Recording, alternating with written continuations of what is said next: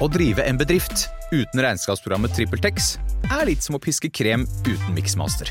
Det går jo, men det bare tar masse unødvendig tid. TrippelTex, det fleksible regnskapsprogrammet som forenkler hverdagen for over 100 000 fornøyde kunder. Prøv gratis på TrippelTex.no. Bli med inn i hodet til John Ausonius. Bedre kjent som Lasermannen. Han nøt å se seg selv på nyhetene, men han var ikke fornøyd. Han skulle jo drepe. Det samme året skulle han skyte to mennesker til, før han omsider oppnådde målet om å drepe.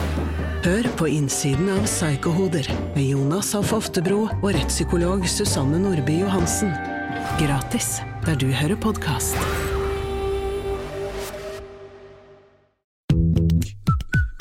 Hei og velkommen til Femihelse, en podkast om kvinnehelse fra A til Å. Og jeg heter Helene, Og jeg heter Sigrun. Og vi har startet denne podkasten fordi vi mener at det bør snakkes mye mer om kvinnehelse. Så la oss snakke. Til deg.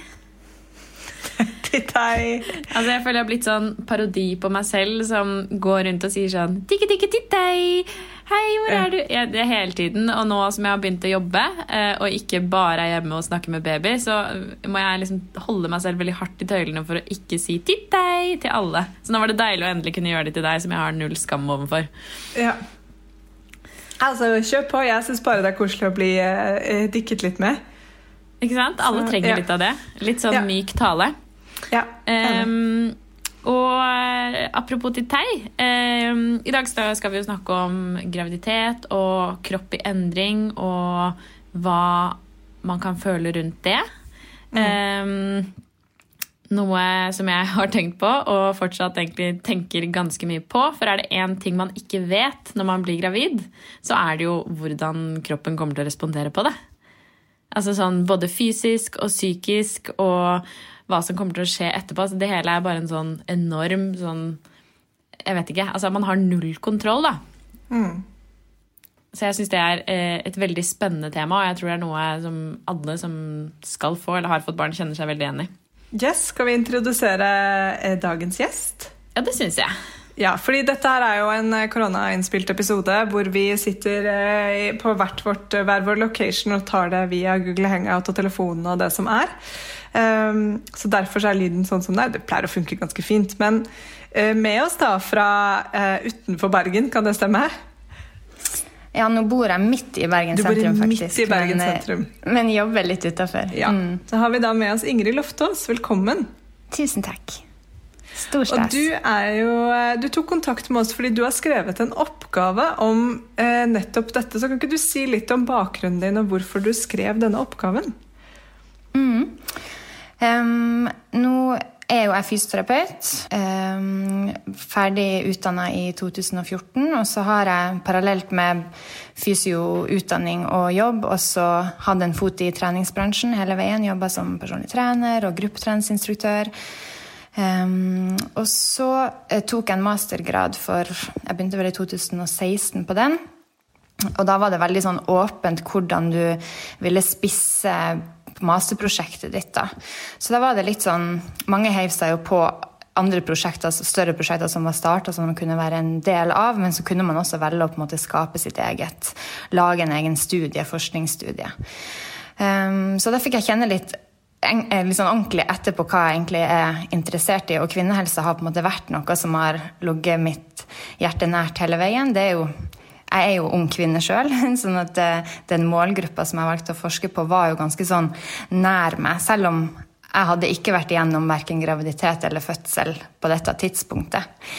Ehm, så både det, og også det at jeg eh, jobber med en del gravide, både i fysioterapipraksis og møtte dem på gruppetimer og hadde dem som treningskunder, eh, gjorde at jeg fikk en sånn interesse av, eh, av akkurat dette. Hvordan, måte, hvordan er det å gå gjennom sånne endringer som er så selvfølgelig som de er når man blir gravid og fødsel og tid etterpå. Men, men, men hvordan, er det, hvordan oppleves det egentlig eh, for de som er i det? Så det var liksom bakgrunnen, da. Og så ble, kom, ble jo liksom, kom jo ting til litt sånn etter hvert. Det er jo litt sånn tilfeldig også. Eh, men det ble veldig interessant og bra. Så kult. Og hvordan, hvordan utførte du på en måte forskningen? Um, det her var en sånn kvalitativ studie, som vi kaller det da. Så det var en intervjustudie. Så da uh, fikk jeg tak i informanter. Uh, det var seks stykker um, som jeg hadde sånn, ganske sånn dybdeintervju med. Um, så de ble rekruttert fra ulike plasser. Så hadde jeg noen sånne inklusjonskriterier. At det skulle være unge førstegangsfødende. Hva vil det si? Altså uh, under 30. Ja år. Mm. Og eh, ikke noe barn fra før. Eh, og så skulle de ha et forhold til trening og til sosiale medier. Eh, og det handla jo litt om at eh, en del av interessen min ble jo vekt av det som vi ser som rører seg i sosiale medier, både på blogger og kanskje spesielt på Instagram. Eh, sånn at det var et ønske fra min side at de som jeg intervjua, skulle på en måte ha et et forhold til det. Det er jo noen, Selv om det er fjernt for oss, er det jo noen som melder seg helt ut og ikke får med seg de, de er, ja, det som skjer. Så de skulle ha fått med seg det bildet av eh, fotballfrue i truse? For eksempel. Ja. Og, det, og det, var veldig, det er artig at du dro fram, for det tror jeg ble nevnt på hvert intervju. Så det, det har virkelig bare satt seg det, det, bildet der. Men jeg føler jo på mange måter nå kan hende at jeg sporer litt her, men at det bildet, eller det innlegget som hun delte etter at hun hadde født, eh, startet i, i hvert fall det der kroppsfokuset etter fødsel på en helt ny måte. Mm. Ja, jeg tror hun, hun, hun, var jo omtalt i utenlandske aviser også. Sånn at det, det var ganske På den tid jeg husker, jeg husker, ikke akkurat hva slags årtall, men det her var jo den, den første barn. Hun har vel to barn og la vel ut bilde etter begge. Men eh, når hun gjorde det da, så var det vel egentlig første gangen at vi hadde sett det så At noen gjorde noe så ja, så tydelig og synlig, på en måte. Ja, og at det liksom har startet veldig mange motreaksjoner som gjør at selvfølgelig vi har fått liksom eh, også bilder, disse mm. ærlige bildene av etterfødselskroppen som vi heller ikke fikk sett før, men at det var startskuddet da, på, på, godt, mm. på godt og vondt. Mm. Ja, absolutt. Det, det, var jo, hun fikk jo masse ros, men hun fikk jo sikkert enda mer eh, ja, hets for det. Så, men, eh, men, det er jo en helt ny jeg tror jo, Og det var også en, en del av um, grunnen til at jeg syns dette var så interessant, er jo at det er noe annet å være gravid i vår tid enn det det var. Rett og slett pga. at vi er så synlige i alt vi gjør. Og det er jo det at noen legge ut et sånt bilde, at man har et bilde på hvordan en, en gravid kropp og en etterpåkropp og sånn ser ut, det er jo blitt så enormt tilgjengelig for oss nå. Sånn var det jo ikke før. Man hadde jo ikke mulighet til å sammenligne seg på samme måte som man har nå. Og det gjelder jo for oss ellers også, ikke bare i, i gravid, under graviditet og, og, etter fødsel. Så, men ja, helt enig. Jeg tror det, start, starta liksom da. Men er det virkelig sånn at altså, Eller hva, hva, hva, Det du kom fram til, og kanskje noen av dine også refleksjoner, Sigrun, men, men, at man tenker at etter graviditet så har man et visst tid før man skal se ut som man gjorde? Eller hva, hva ligger i det vi snakker om her? på en måte? Hva er forventningene hos mange? da, fordi det er jo helt unike forventninger hos hver, tenker jeg. men hva, hva, ligger, hva, bunner det på en måte i at det er en sånn frykt for at man aldri skal bli det man var, eller at det skal ta lang tid, eller hva? Hva handler det om? Jeg tror at um, Og det som um, den studien min viste, uh, som selvfølgelig var Det er et utvalg, og det er nok mange som ikke kjenner seg igjen i uh, det som jeg kom fram til i den studien. Men um, de kvinnene som jeg intervjua, de skisserte jo litt at det her med tap av kontroll, litt som eh, du sa innledningsvis, Sigrun, det er vi på en måte ikke så vant med lenger. Fordi vi er blitt så vant til at vi, vi, vi har kroppen vår, den kan vi til en viss grad kontrollere og manipulere og styre og fikse på og ordne på sånn som vi vil. Det er på en måte tidens mantra. Det, og da snakker vi ikke bare om treningsregimer og kosthold og sånne ting, men men operasjoner og injeksjoner og Det er på en måte blitt sånn nå at man, man skal ikke lenger måtte ha en kropp man er ikke er fornøyd med, for det er så mange muligheter til å fikse på den. Og så, og så blir det veldig sånn krasj med den her eh, graviditetsfasen og fødsel og, og tida etterpå. fordi at er det en, og det vet sikkert du, eller det kan du kjenne deg igjen i, som har gått gjennom det, at det, er det ei tid i livet der du bare ikke har noe kontroll, så er det jo akkurat i, i den fasen.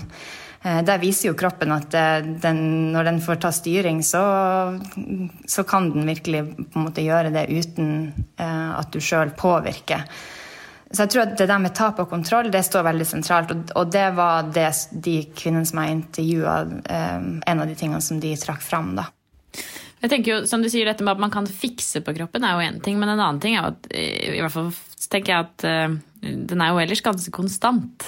Mm. Eh, altså som Hvis man ser bort fra alt det, da, så er det jo som regel selvfølgelig det varierer bitte litt, men ellers er det jo ganske jevnt liksom, at man har den kroppen man har, bortsett fra i akkurat den tiden i livet. da.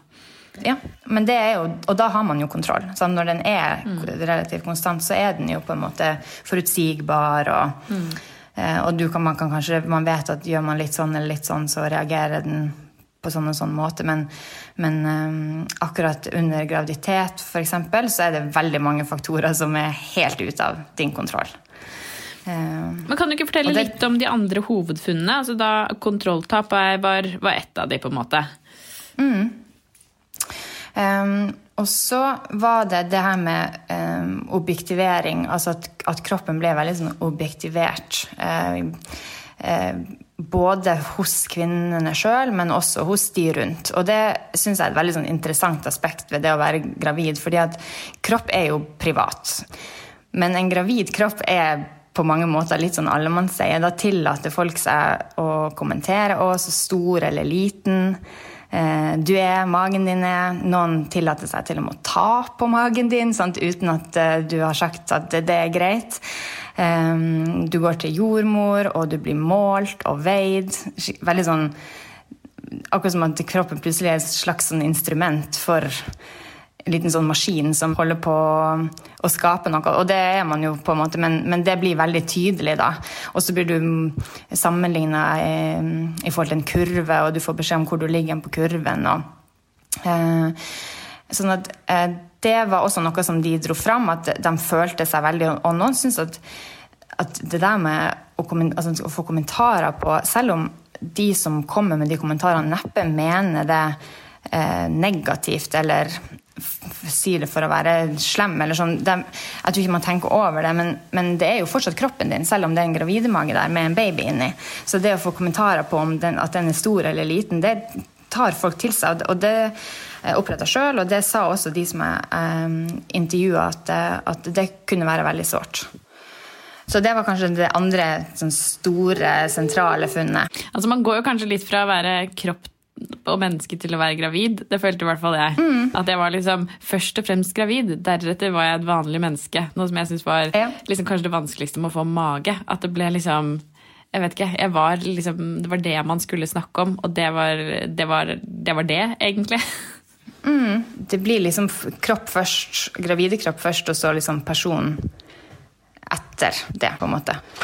Og så det siste som på en måte sto liksom sterkest i den studien, var det med sosiale mediers um, påvirkning, og hvordan de synes at det var vanskelig. Og hadde, hun ene som intervjuet, hun hadde rett og slett sletta alt av både til og med Facebook og Instagram og de appene, fordi hun, hun kjente at hun altså man legger jo, man legger jo såpass, man legger masse press på seg sjøl i utgangspunktet. Så det å liksom skal eh, føle at du er nødt til å leve opp til andre sine forventninger med tanke på bilder og eh, ja, og hele tida bli konfrontert med andre, sånn, andre, sine litt sånn happy lives og lykkelige øyeblikk og sånn, det, det dro de også frem som utfordrende å stå i. Spesielt hvis at du eh, hvis at de sjøl på en måte ikke følte at eh, de var der de burde være, var like glad som de burde være, eller ja, sånne ting. Sånn at det, det var også dratt fram som utfordrende. Som noe som var mer utfordrende under graviditet eller etter graviditet enn vanlig? Mm. Rett og slett fordi at de opplevde at de var i en mer sårbar fase, og det er man jo. Eh, og kanskje mer Uh, det her var førstegangsfødende, så ikke, ingen av dem hadde jo gjort dette før. Og da er du jo mer mottagelig også for andres meninger og råd. Um, og så har man gjerne en masse forventninger til seg sjøl, og så blir det veldig sånn forsterka og du klarer kanskje ikke å være like sånn nyansert og, og sånn til det når du er sårbar, som man er i den fasen, da. Mm. Det er litt spennende fortsatt at veldig mange liksom tiltrekkes av det på sosiale medier også. Jeg har sett veldig mange profiler i det siste. Det er sikkert litt hvilken um, målgruppe og min algoritme gjør også, men som eh, profiler på Instagram da, som har vært relativt små fram til de ble gravide, delte nyheten mm. på sosiale medier, og så eksploderer fordi det er så mange som er interessert i nettopp det. Mm. Og det er jo en litt sånn motsigelse til det du sier, da. Eller så er vi bare veldig sånn todelt i det. At man blir nysgjerrig og man leter etter noen å kjenne seg igjen i, og som man på en måte kanskje kan sammenligne seg med, men samtidig så er man kanskje ikke helt klar over de negative effektene man, At man møter seg selv litt i døra, da, på en måte. Ja, for, og de som, eh, de som jeg intervjua òg, de hadde jo oppsøkt de her kanalene. For det er jo Du kan altså Selv om vi blir møtt med mye, og det er vanskelig å på en måte styre helt unna det, så, så kan du jo velge hvem du følger, og hvor du klikker deg inn. Men jeg tror det er noe i det du sier, at uh, man er interessert, og man, man, man, søker litt etter det også. Men så er man kanskje ikke helt bevisst hva slags um, effekter det har på deg, da. Uh, og at um, ja, noen ganger så er man kanskje tjent med å, å bare ta et lite pust i bakken og konsentrere seg om, om en sjøl og her og nå. Jeg får konkluderte disse intervjuobjektene dine noe når det kom til det? altså Skulle de ønske at de hadde holdt seg unna sosiale medier? Valgte de å, å fokusere mindre på det? Gjorde de noe, eller Tok de noen tak i den negative påvirkningen?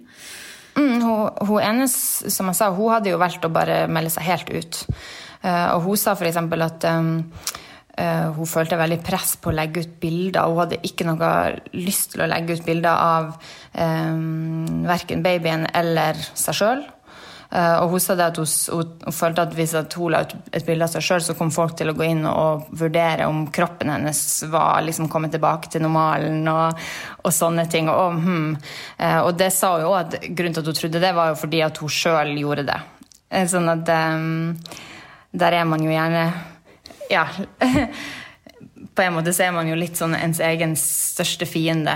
Um, og så um, var det eh, hun, uh, en av dem også som eh, hadde brukt egentlig det som hun leste i sosiale medier, til å Hun hadde liksom bygd opp litt sånn eh, motstemmer eh, i seg. egentlig at Hun, hadde, hun klarte liksom å liksom fulgt med på profiler, og så hadde hun eh, liksom Eh, dvelt litt over det sjøl etterpå, og så konkluderte med at det her stemmer jo ikke, sånn her er det jo ikke, og, og nesten kunne flire litt av det. Og det, og, og det er jo òg positivt, tenker jeg, at man klarer å se litt forbi, for det er jo mye som er picture perfect og filter og, og sånn, men vi som har baby, vet jo at det, det er jo Alle dagene er ikke sånn.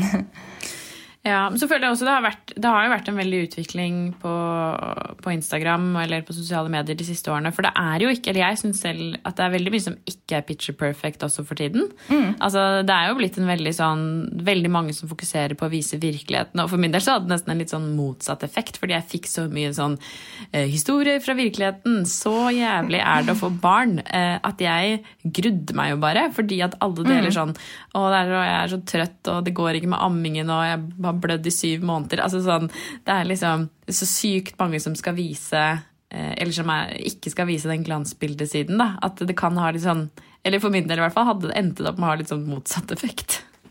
Ja, ja og det er jo, og, og, men det tror jeg vi har sett mer de siste Nå er jo det et par år siden denne, jeg gjorde denne studien her.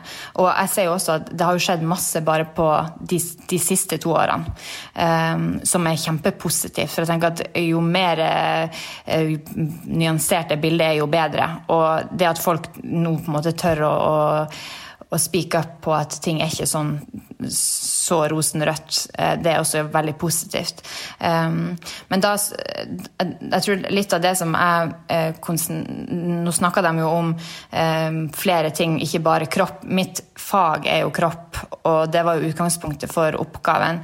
Um, og da var jo òg litt av problemstillinga mi det at selv om noen av de kroppene blir vist, som blir vist, ikke er sånne fotballfrøkropper, så er det jo kropper som gjør at det blir et enormt sånn kroppsfokus i en sånn fase som um, kanskje helst Eller gjerne Det er fint hvis det kan handle om noe an, om andre ting, da. Mm.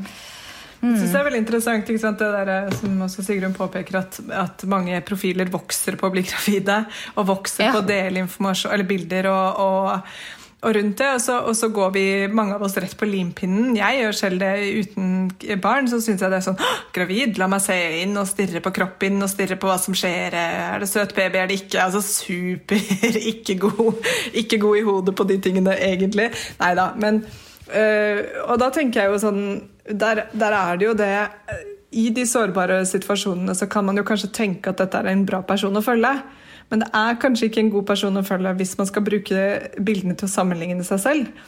Og det kan jo være på alt mulig. Jeg mener sånn, kan jo sammenligne meg selv på Selv om jeg ikke har vært gravid, så kan jeg jo sammenligne på sånn lurer på om jeg hadde sett ut sånn som gravid. Altså Tankene går fort eh, hvis man bare er i rett humør, for å si det sånn. Så der, og, og så fins det da den motvekten. Og det, jeg føler jo at samfunnet i dag er såpass kan si, våkent, men også mangefragmentert, at til og med de som legger ut hva skal jeg si, eh, motsatsen til det, som viser på en måte bleiebilder fra sykehuset og gjerne et oppfølgingsbilde tre måneder senere hvor magen er akkurat som den var på sykehuset etter at babyen var ute, på en måte, eh, også får en form for kritikk med at men nå fokuserer vi på dette. Ikke sant? Det er supert ja. at du viser det, men nå fokuserer vi på dette. og så, Det blir så innmari sånn altså, Jeg føler at det, ja, det er jo spesielt Instagram vi snakker om her. Da. Den, den spenner sånn ben på oss. ikke sant? Fordi På den ene siden så vil vi følge folk og bli inspirerte og kose oss med det vi ser, og samtidig så påvirker det oss på sånn, mikros, altså på sånn mikronivå hele tiden. Hvis du ser litt sånn hele tiden, så gjør det noe med deg. da.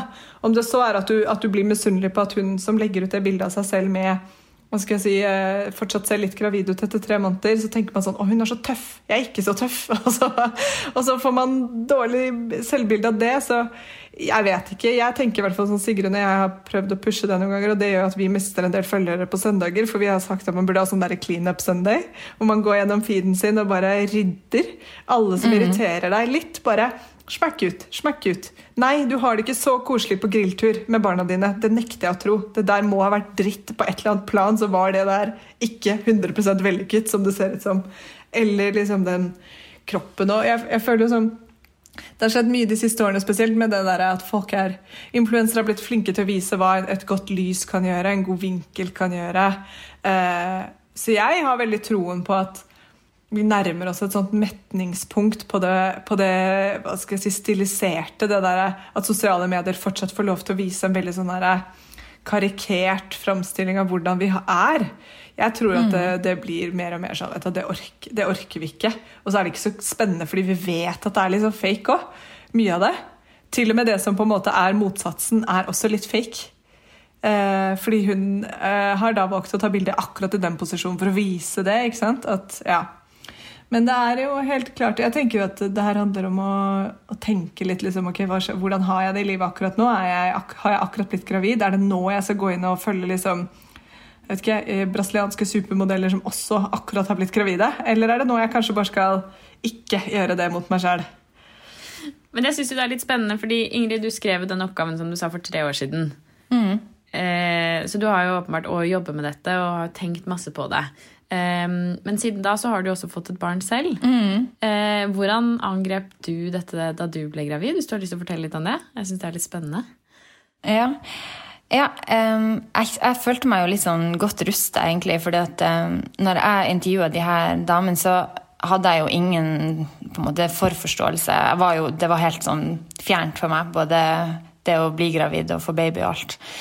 Um, så jeg følte meg jo litt sånn rusta, fordi at jeg hadde, liksom, ja, var bevisst på alle de her utfordringene og sånn. Men eh, jeg syns likevel at det var eh, Ja, jeg, jeg, syns, at det der med Jeg tror eh, spesielt det der med å få kommentarer på Nå hadde jeg en veldig liten mage. Eh, og det kan være at mange tenker at jeg er så heldig. Det var folk som sa det også. Men det er rart med det, når du har en liten mage, så vil du jo egentlig bare at den skal være stor. Um, så jeg, um, jeg fikk på en måte høre at um, um, Å, du ser jo nesten ikke gravid ut. Og, som igjen ga meg bekymringer, for hm, har babyen min det bra? Uh, jeg på, ble sendt på sånn vekstkontroll på sykehuset to ganger fordi jeg lå under den kurven på sånn mål hos jordmora. Eh, og vekta mi økte ikke sånn som jeg skulle etter på en måte malen. Og likevel så fødte jeg jo en helt gjennomsnittlig frisk guttebaby. Så det er jo interessant hvordan vi er så forskjellige, og det er jo egentlig ingen eh, fasit på det. Eh, men jeg tror at eh, jeg ble enda mer bevisst etter min egen graviditet på eh, det her med uansett om kommentaren er at um, du, magen din er liten eller magen din er stor, eller du ser sånn ut eller du ser sånn ut, så er det sårt å få kommentarer på kropp når man er i en, i en sånn fase. Fordi du, du, er, du er, helt ute på nytt farvann. Det alle, sånn, sånn, alle bekymringene du har hele veien for at alt skal være bra, det er sånne små kommentarer som skal til for at du stiller masse spørsmål til om, om alt er sånn som det burde være. Um, og så var jeg, jeg var, bevisst, jeg var bevisst på at jeg ikke skulle følge så mange som var i Jeg var liksom inne og kjekk litt på de som var litt sånn i samme eh, noen sånne kjente profiler som var litt i samme fase som meg, men at jeg på en måte skulle prøve også ja, ikke fokusere for masse på det, da. Um, så det, men selv om jeg på en måte var bevisst de tingene fra før, så syns jeg også det var utfordrende. Så det tenker jeg bare å understreke at, at det er utfordrende nesten uansett. Uh, og så var det jo tida etterpå som også var noe helt annet enn jeg hadde sett for meg. Så de første ukene som alle sier at eh, du må bare nyte, de husker jeg egentlig ingenting av. Det var bare å komme seg gjennom. Nei, og det er jo det, Alle de som sier at du skal nyte de ukene, husker jo heller ingenting av de ukene. Det er derfor de sier at du skal nyte dem. De har, ikke, de har også blacka ut på de ukene fullstendig. Altså, jeg kjenner knapt noen som har nytt de første ukene sånn helt sinnssykt. Det er masse fine øyeblikk og alt det, men det der å nyte et helt sånn nyfødt vesen som skal være oppå deg hele tiden, og du har vondt i hele kroppen, det er, eh, da er du god på nyting, tenker jeg. Ja, det er da, Nei, jeg syns det var ganske klaustrofobisk, for å være helt ærlig. Mm. Men uh, det går seg jo til. og nå går det veldig bra. Mm. Men uh, mm, ja. Jeg tror det er veldig mange som kjenner på akkurat det. Um, men er det, satt du igjen med en sånn følelse av noen råd eller tips du ville gi til liksom, kvinner som, som var i en situasjon hvor man tenkte mye på dette? Jeg tror at um Eh, det som er veldig viktig for eh, folk å vite, det er at eh, altså, hvordan kroppen responderer på en eh, nå, jeg, nå, snakker jeg til, de som, som, er gravide eller skal bli gravide, eller um, altså Hvordan kroppen responderer på graviditet, det handler om så utrolig mange ting. Og eh, det handler om så mange ting som er utafor vår kontroll. Så, sånn at eh, hormoner og gener og rene tilfeldigheter eh, det er, vel, det, er, det er, så mange ting der som på en måte, det er ikke vits å prøve engang. Uh, og skal liksom ta kontroll over det, for det der, det der styrer kroppen sjøl. Sånn jeg uh, har f.eks. en bekjent, kjempesporty, supertrent og i knallgod form. Fikk kjempebekkenutfordringer under graviditeten og kunne ikke være aktiv sånn som um, hun pleide.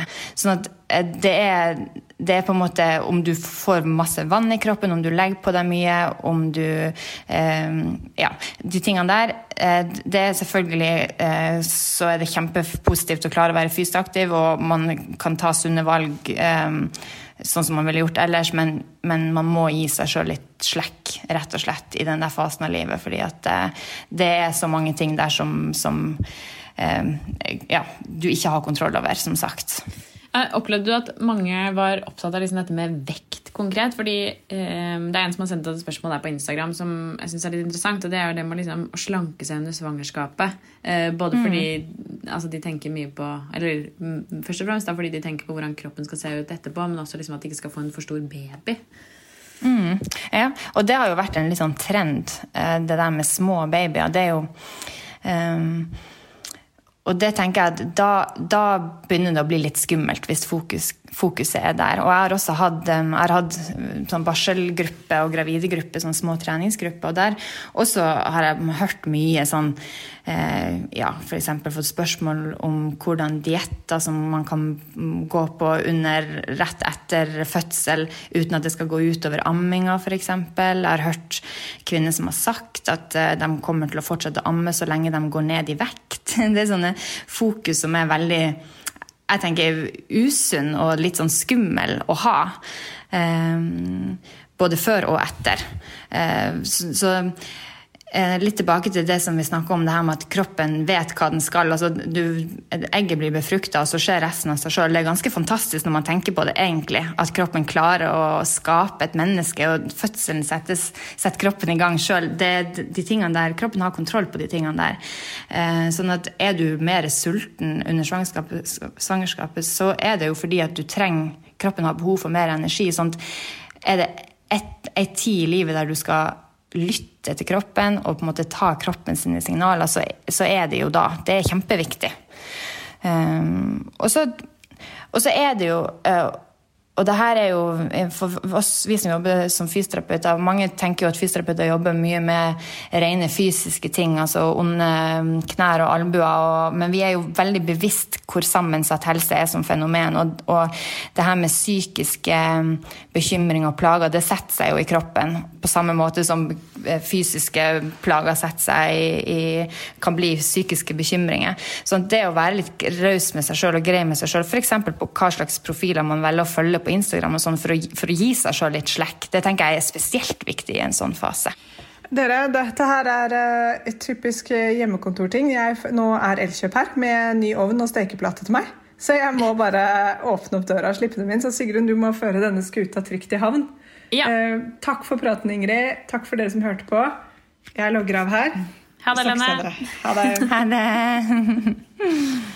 um, Ja, nei, altså Tilbake til at man må eh, kanskje være litt bevisst og liksom gi seg selv eh, lov til å mm, avfølge profiler. Så tenker jeg også kanskje man må gi seg selv eh, lov til å være litt stresset eller ukomfortabel med alt som er i endring også. Mm. Jeg tenker sånn, jeg synes jo at det er Det er jo ikke noe rart at man når barnet er ute, eh, ønsker at alt bare skal være tilbake til normalen. Altså, hvis jeg tar meg selv, så hadde det ikke gått mange uker. Jeg tipper kanskje to-tre uker etter at jeg hadde født, så var jeg skuffet over at jeansene mine ikke passet. Mm. Og det handlet ikke om at jeg ikke eh, følte at jeg, eh, at jeg skulle vært tynnere, men det er mer den følelsen at liksom, babyen er ute. Da var det bare meg. Eh, mm. at liksom de to tingene føles så separate, da. Eh, liksom den gravide kroppen og den vanlige kroppen. Og at i hvert fall jeg klarte ikke helt å liksom se den sammenhengen. Eh, og ja, at det kanskje heller var snakk om en, en ny meg-kropp på en eller annen måte. Mm. Eh, og det er nok også, var det sikkert en litt sånn psykisk sperre, hvor man bare liksom gleder seg veldig til å bare ha, være sin egen kropp igjen. Mm. Jeg vet ikke helt. Men um, ja. ja nei, så jeg, handler, tenker bare at man skal ikke ha dårlig samvittighet for nei. at man eh, eh, Jeg vet ikke, jeg kjenner på disse følelsene og kjenner på usikkerhet ved både gravid kropp og, og ny kropp etter fødsel. Og ja, at det er liksom ukjent territorium. At det er noe som trolig vil ta tid. Både for kroppen skal hele, men også at du selv skal bli kjent med deg selv på nytt. Og ja, hvordan ting føles og ser ut. Jeg tenker at det, det er helt superlov å f.eks. ikke syns det er kult å være gravid. Og det er helt superlov å på en måte glede seg til at man um, ja, at man på en måte kan begynne å kjenne seg litt som seg sjøl igjen. Um, det eneste som, som, jeg tenker at um, Sånn som det uttrykket å, å, til, få tilbake kroppen min og, og litt sånn Jeg, jeg syns det er litt Jeg tenker at vi skal eh, Vi må huske på at vi, altså, vi er på en måte en kropp. Ikke, vi har vi har en kropp, men vi, vi er en kropp. Sånn um, det er veldig, mye, sånn, veldig mange som distanserer seg veldig til den gravide kroppen. Som, og dette er den gravide meg, og så er det den andre meg. Og, så, og, og det er helt naturlig. Og jeg tror at jo mer plager man har, jo større blir nok den distansen til kroppen. At man på en måte snakker til å, den der gravide kroppen og det der bekkenet og sånn. Men, um, men det å minne seg sjøl litt på at um, at uh, det er jo meg. Det er jo meg. Og selv om jeg, jeg er annerledes enn jeg var tidligere, uh, og jeg kommer nok men så kommer jeg kanskje tilbake til sånn som jeg var tidligere. Sånn, så, så, er det litt sånn det er liksom viktig å, å bare, bare, være liksom bevisst på at um, det er jeg som er kroppen min. Uh, hvis ja. ikke så kan den distansen der det blir, den distansen kan bli litt stor. Og så snakker man på en måte til kroppen sin. Um, ja, det her blir jo litt sånn mer sånn, liksom fysioterapifaglig, sånn som vi jobber og sånn. Men, uh, men uh, det å kjenne på at man ikke syns at det er så kult det er så lov, og det er jo også veldig bra eh, med at det vises flere sider i sosiale medier for de som velger å følge profiler, at man får både de her happy pictures, men også de her drittbildene. Fordi begge deler er jo like normalt. Begge deler er like normalt. Og ikke minst også at kroppen er liksom et kontinuerlig maskineri på en eller annen måte. Altså det er jo som du sier, vi, den kroppen er den, er den, er der bare. Uansett. Mm. Og vi skal leve i den. Så ja, mm. fint at sosiale medier viser flere sider, men også viktig at vi snakker med hverandre, tenker jeg. Snakker med de, som vi alltid sier her i Femihelse, snakk med de rundt deg. Eh, for de er mm. de beste kildene eh, til det meste, egentlig. Eh, ja. Og også bare liksom erfaringsutdeling, så er det den, ofte den beste måten å gjøre det på. Ja, og så Ja, det er helt, helt sant. Og så eh, vil jeg også bare um, si til slutt um, um, Jeg hadde veld, et veldig sånn Av min egen erfaring så hadde jeg et veldig problemfritt svangerskap og fødsel, alt det der gikk fint, men fikk meg en skikkelig sånn uh, ja, sånn slag i trynet når lille babyen kom og livet plutselig var sto helt på hodet, eh, og jeg ikke hadde den friheten som jeg hadde hatt, og var, følte meg liksom lenka til sofaen med amming eh, dag ut og dag inn og sånn. Og eh, på helsestasjoner så har de også psykologtjeneste. Sånn at og, det er sånn kjempelav terskel. Det er nok at du bare syns at det er litt drit. så har de folk som du kan snakke med. Eh, I hvert fall her i Bergen kommune er det sånn, og jeg tipper at det sikkert er sånn eh, på mange andre. Og det, det å, å, kunne snakke med en person som ikke har et forhold til babyen din, for det er jo ikke babyen som er problemet, eh, det kan være veldig nyttig. Jeg synes det, det, ja. Det er et skikkelig godt tips og en eh, fin litt sånn avsluttende oppfordring til alle der ute. Altså Enten om du er gravid, jeg tenker da også. Eh, jeg ser lik mm. til psykolog under svangerskapet og hadde kjempestor glede av det. Eh, mm. Eller du har fått barn og syns at den nye altså hele forandringen er vanskelig, så snakk med noen. Og da er det også mulig at man kan via helsestasjonen få kanskje et rimeligere tilbud enn man ville fått hvis man ja, måtte gå andre steder. Det, ja, slippe, slippe. Mm, ja, absolutt. Ikke sant? Så det er i hvert fall verdt et forsøk.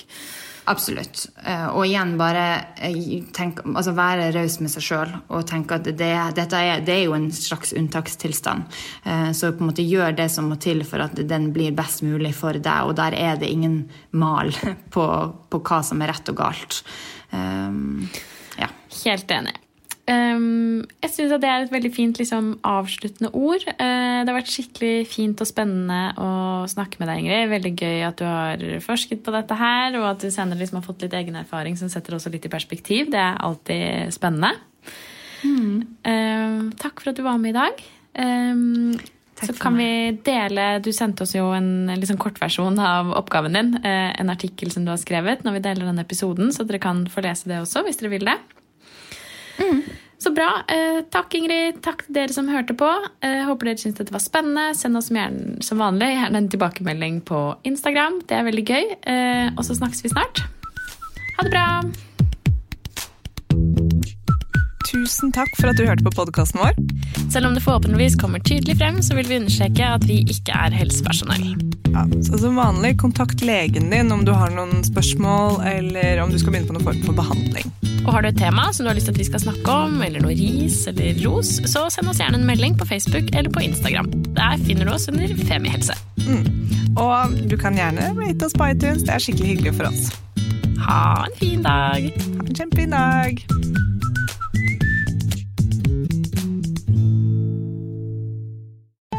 Å drive en bedrift uten regnskapsprogrammet TrippelTex er litt som å piske krem uten miksmaster. Det går jo, men det bare tar masse unødvendig tid. TrippelTex, det fleksible regnskapsprogrammet som forenkler hverdagen for over 100 000 fornøyde kunder. Prøv gratis på trippeltex.no.